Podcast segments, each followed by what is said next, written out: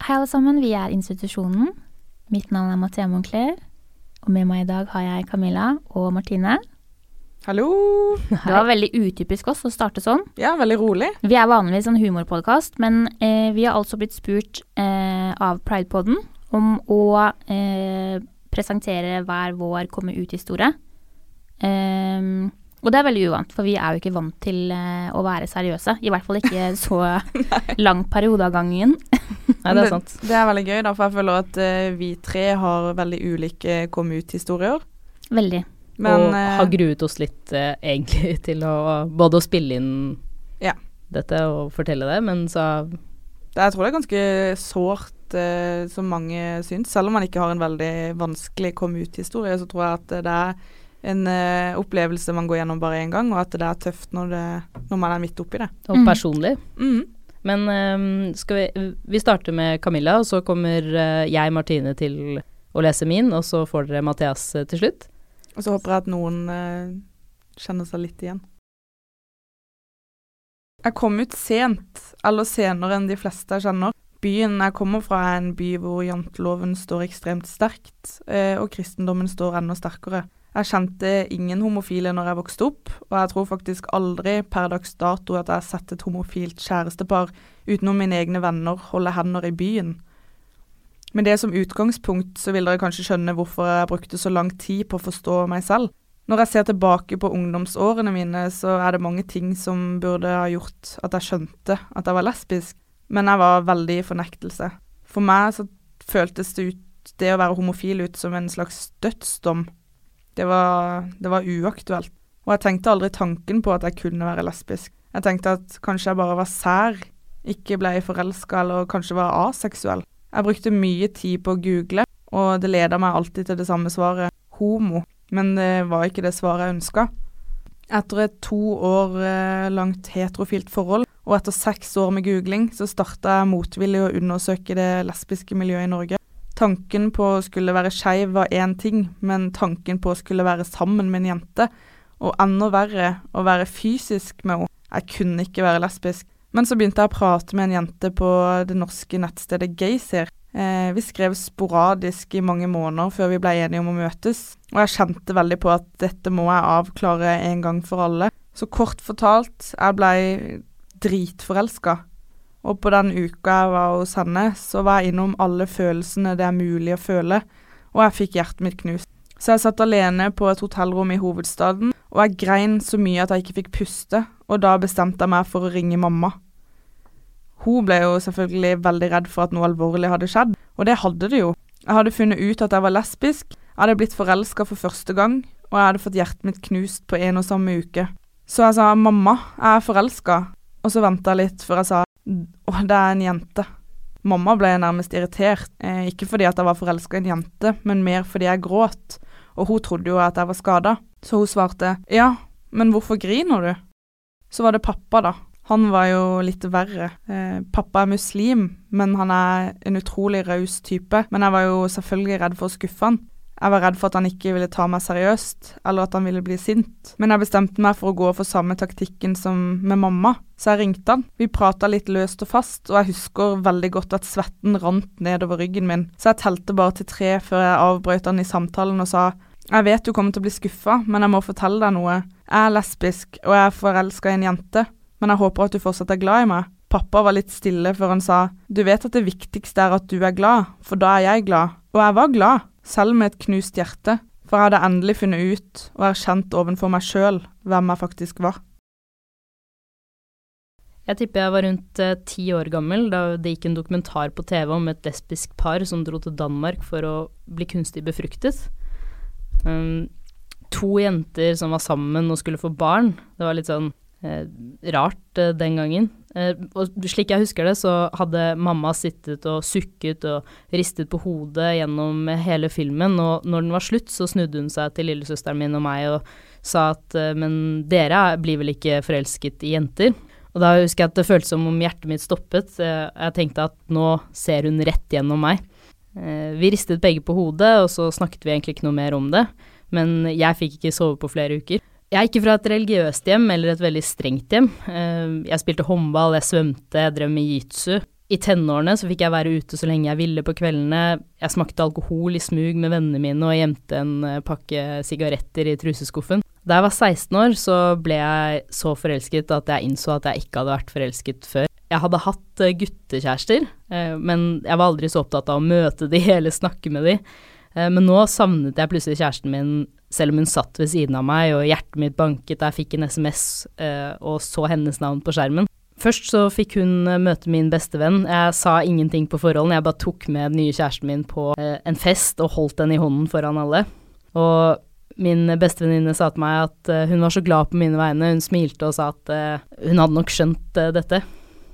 Overfor foreldrene mine så var kjæresten min bare en venninne, og en skikkelig upopulær en. Foreldrene mine kunne rynke på nesen hvis hun ble nevnt eller vi skulle treffes. Og en dag så sa mamma til meg at hun tippet at eh, denne venninnen var lesbisk, og at hun nok eh, var en dårlig innflytelse på meg. Eh, for du er vel ikke lesbisk, Martine? Og da stoppet hjertet mitt, akkurat som det gjorde den gangen vi så dokumentaren flere år før. Men denne gangen så var jeg eldre, jeg var mer reflektert, og ikke minst så var jeg mye mer motivert for å si noe. Så jeg svarte at uh, jo, jeg tror kanskje det. Jeg følte meg ikke som lesbisk, for det har egentlig aldri vært et ord eller en betegnelse som jeg kjenner meg komfortabel med å identifisere meg med. Eh, for meg så var det eneste som hadde skjedd, at jeg hadde blitt forelsket. Jeg hadde hele den greier ikke å slutte å smile-greia gående, men foreldrene mine de greide ikke å se forbi min nye kjærestes kjønn. Vi var fra et ganske lite sted, og jeg var jo så ung.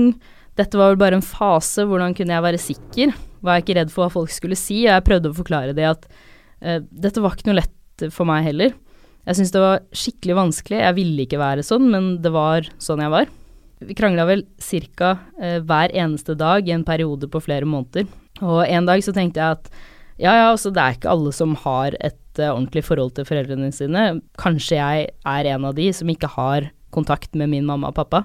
Men alle besteforeldrene mine eh, ringte og sendte SMS-er og sa at de var like glad i meg uansett, og det hjalp. Eh, samtidig så var jeg tenåring, jeg var lite hjemme. jeg holdt meg opptatt med venner, ny skole. Jeg jobbet deltid og drev med kampsport. Eh, I løpet av ca. et år så gikk det gradvis over, og foreldrene mine begynte å like personen som var kjæresten min. De var bekymret for meg. Eh, det er noe jeg både forstår og respekterer. Jeg tror at eh, min alder spilte en stor rolle. Jeg var kun 16 år da jeg kom ut til de.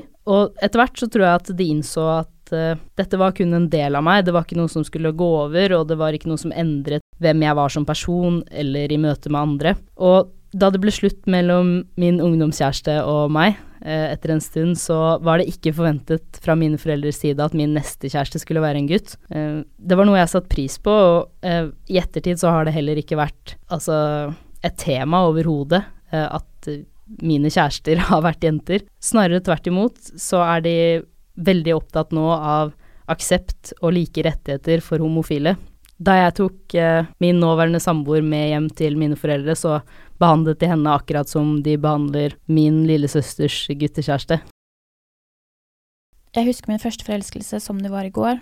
Jeg var syv år, hun var åtte, og første gang hun lo, så følte jeg det helt inn til hjertet. Hun luktet sjampo og tøymykner, og alt hun gjorde var så fint og viktig at jeg slukte hvert ord og hver bevegelse. Jeg visste ikke da at jeg var forelsket, jeg hadde bare en delt virkelighet i hodet som jeg ikke tenkte noe særlig over, jeg bare kjente at jeg ville være der hun var, og alt annet rundt henne var ikke så viktig. Jeg vokste opp i en familie hvor det var en genuin aksept for å være den man var, og hvor det er en selvfølge å elske den man ville. Jeg ble aldri pressa inn i kjønnsroller, og om jeg ville klatre i trær og fange insekter i stedet for å leke med Barbie, så var det helt greit. Jeg var bare meg, og det var helt ok, og det er kanskje derfor jeg er så trist i dag, når jeg tenker på alle rundene jeg har gått vill i meg selv og følt at verden var for kompleks for hodet mitt. Jeg har alltid vært ærlig om at jeg er en åpen sjel, likevel var det jeg som ikke skjønte at jeg var lesbisk. Min første kjærlighetssorg ødela en del av meg som tok flere år å lime sammen igjen. Det var bare da at jeg forsto ikke at jeg var forelsket selv om jeg kjente hjertet mitt svi utenfor kroppen og følte meg svart og hul på innsiden. Det var smerte som var vanskelig å bearbeide, for i teorien var vi to venner som vokste fra hverandre, men for meg var det evigheten og meningen med alt, og en avstumpet følelse som gjorde meg blind. Jeg følte meg halv, men jeg greide ikke å sette ord på det. Jeg husker hun gråt en dag, ikke hvorfor eller hva som hadde skjedd, jeg bare husker jeg tenkte at det var et perfekt øyeblikk som skulle vart for alltid, at jeg ville forevige universet i øynene hennes, som var vakrere enn vanlig, fordi de var så mørke og klare, og jeg husker desperasjonen i blikket hennes og at jeg følte at hun trengte meg. Og hun gjorde kanskje det, som en venninne, og det gjør fortsatt litt vondt i dag å tenke på at for henne var jeg kun en venn, men for meg var hun altoppslukende og livsfarlig, og hjertet mitt forble knust i flere år, men jeg skjønte det ikke, at jeg var forelsket. For hun hadde jo langt hår, og det hadde jeg òg, og vi var jo bare bestevenner. Jeg var fanget av illusjonen om stereotypisk lesbisk forelskelse. Maskulin butch og Anja Edin. Jeg var jo ikke sånn, og da var det ikke på ekte. Jeg var 22 år og bodde med en gutt da det for alvor eskalerte. Han var kjæresten min, men i praksis var vi bestevenner, og jeg fikk mer og mer dårlig samvittighet, fordi alle fortjener å bli forgudet av den de er med, spesielt seksuelt. Jeg hadde 100 grunner til at jeg ikke ville være intim, og etter hvert vokste problemet så stort at vi måtte prate om det. Jeg hadde som alltid vært ærlig om at ikke jeg ønsket å definere meg selv, men også understreket at jeg aldri kunne falt for en jente. For det var bare spennende og nytt og ingenting å tenke på. Men det kunne ikke fortsette, og han ville vite, og jeg måtte gå inn i meg selv. Dagen som forandret alt, var da han ved en feil leste en melding hvor jeg skrev at jeg trodde jeg var lesbisk. Det var egentlig noe jeg hadde skrevet på tull til en venn, fordi vi hadde snakket om hvorfor jeg var som jeg var, og prøvd å finne en løsning på ting. Jeg var i bursdag da han ringte, men jeg så likevel for meg ansiktet hans, og jeg kjente hjertet hans knuse da stemmen hans sprakk. Det verste var at ikke jeg følte meg sikker engang, for jeg følte meg lik som jeg alltid hadde gjort, og det var ingenting som egentlig vippet meg over eller avgjorde det hele, det bare kom i meg som en bølge, og da han spurte, så sa jeg ja, for det føles feil å si nei. For jeg begynte å tvile. Jeg dro ut alene helgen etter, til det eneste stedet for jenter som liker jenter, og jeg var så kvalm og nervøs at jeg, at jeg ikke husker annet enn deler av det den dag i dag. Jeg hadde aldri trodd at det største vendepunktet i livet skulle skje i en trapp på vei ned til et utsted. Men sånn ble det, og for første gang ble jeg tom for ord som kan beskrive det som skjedde i kroppen min. Det var så spesielt og vakkert, og, en, og en hjerteskjærende vekkelse, fordi alt på falt på plass i løpet av sekunder, og jeg visste at ingenting kom til å bli det samme igjen. Den første kvelden føltes som et liv, og det var så rart, fordi det føltes som alle knuter hadde blitt til løsninger, og det var som arkene hadde blitt blanke og klare for en ny start, mens hjemme satt en gutt og håpet at jeg skulle fortelle at det hadde vært feil, at det var en ugjort greie som ikke var noe, at det var oss to og fortsette hverdagen, men så kysset hun meg før hun gikk inn i taxien, og det slo meg, at alt var annerledes nå, jeg var ny og hel, og jeg følte meg håpløs mellom to liv, og jeg ante ikke hvor verden skulle gå fra det ene til det andre. Men en dag så var jeg der, og da jeg sa det til mamma, ble hun bare glad, for det var jo bare fint og helt normalt. Og det var det. Så enkelt. Og for første gang følte jeg meg fri, og ikke fanget i mitt eget hode. Min eneste kritiker hadde kun vært meg selv. Ho. Faen, deep shit, ass. Ja, det, det her skal jeg slette etterpå. ja. Jeg kommer til å høre på det kanskje én gang selv, og så tror jeg det er takk for meg, ass.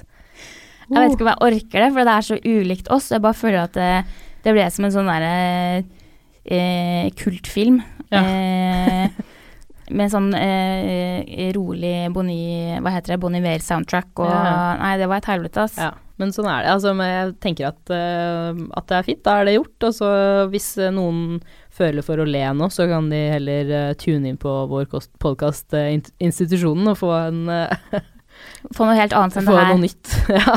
og til dere som egentlig er fan av oss, og som begynte å tvile nå, så vil jeg bare si at eh, eh, ikke gjør det.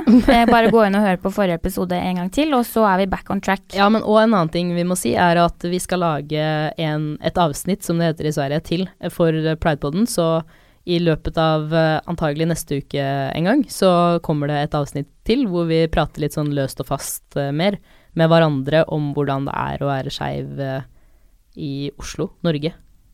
Hvordan er det egentlig å være gaylord? Lurer du på det? Tune in. Eller se på Skam, men Eller heller hør på, på oss. Skam, men ikke gjør det. Hør, hør på oss isteden. ja.